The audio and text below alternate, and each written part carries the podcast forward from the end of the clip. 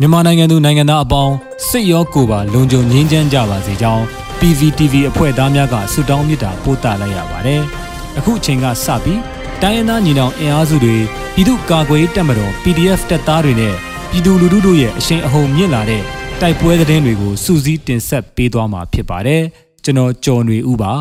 ။ပထမဆုံးအနေနဲ့ AR မြေအတိုင်းစုံဆင်းလာတဲ့စစ်ကောင်စီရဲ့ဆက်လေလေးစီးကိုမြို့လှ PDF ပြစ်ခတ် ဆက်လေတစည်းနင်းမြုပ်ခဲ့တဲ့တဲ့ရင်ကိုတင်ဆက်မှာပါ။ကချင်ပြည်နယ်ရွှေကူမြို့နယ်ကြောက်ကြီးကြေးရွာမှမြို့လှကြေးရွာဘက်သို့ AR မြေအတိုင်းစုံဆင်းလာတဲ့အကြမ်းဖက်စစ်ကောင်စီရဲ့လက်နက်နဲ့ရိတ်ခါတင်ဆက်လေလေးစီးကိုယနေ့ဧပြီလ3ရက်နနက်6နာရီခွဲမှာမြို့လှ PDF ကစောင့်ကြိုပစ်ခတ်ရာဆက်လေတစည်းနင်းမြုပ်သွားကြောင်းစစ်သားထိခိုက်ဒေဆုံးမှုရှိနိုင်ကြောင်းသတင်းရရှိပါရယ်။အဆိုပါဆက်လေလေးစီးကိုဘိုးစနေဥဆောင်တဲ့မြို့လှ PDF က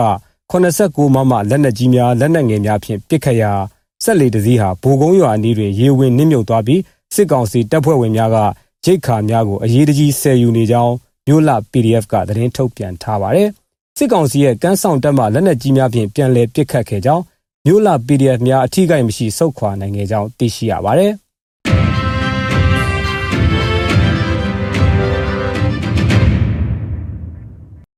ဆက်လက်တင်ဆက်မှာကတော့မြောင်မြို့နယ်ရွှေလန်းရွာနဲ့မြစ်ဆုံရွာအကြားမှာတိုက်ပွဲဖြစ်ပြီး စစ်ကောင်စီတပ်ဖက်မှ၄ဦးသေဆုံးခဲ့တယ်လို့မုံရွာစီးပွားရေးတပ်ကတော်ကို PDF တပ်ပေါင်းစုကပြစ်ခတ်တိုက်ခိုက်မှု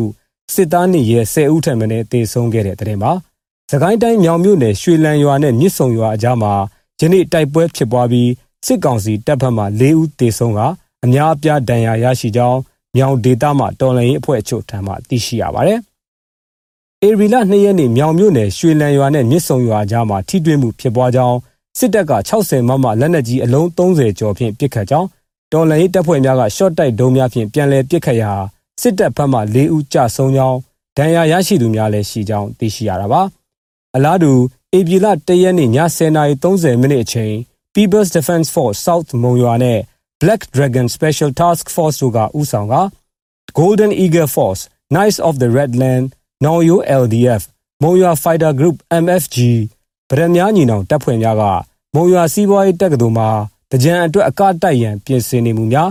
လုံခြုံရေးယူထားတဲ့စစ်တပ်နဲ့ရဲများကိုရှော့တိုက်တုံး10လုံး40မမ15လုံး60မမ2လုံးနနသီး15လုံးအပါအဝင်ဒူအင်အား40ခန့်ဖြင့်ဝင်တိုက်ခဲ့ကြောင်းစစ်သားနေရဲ10ဦးနဲ့15ဦးကြားသေဆုံးနိုင်ကြောင်းတော်လှန်ရေးတပ်ဖွဲ့များကသတင်းထုတ်ပြန်ပါတယ်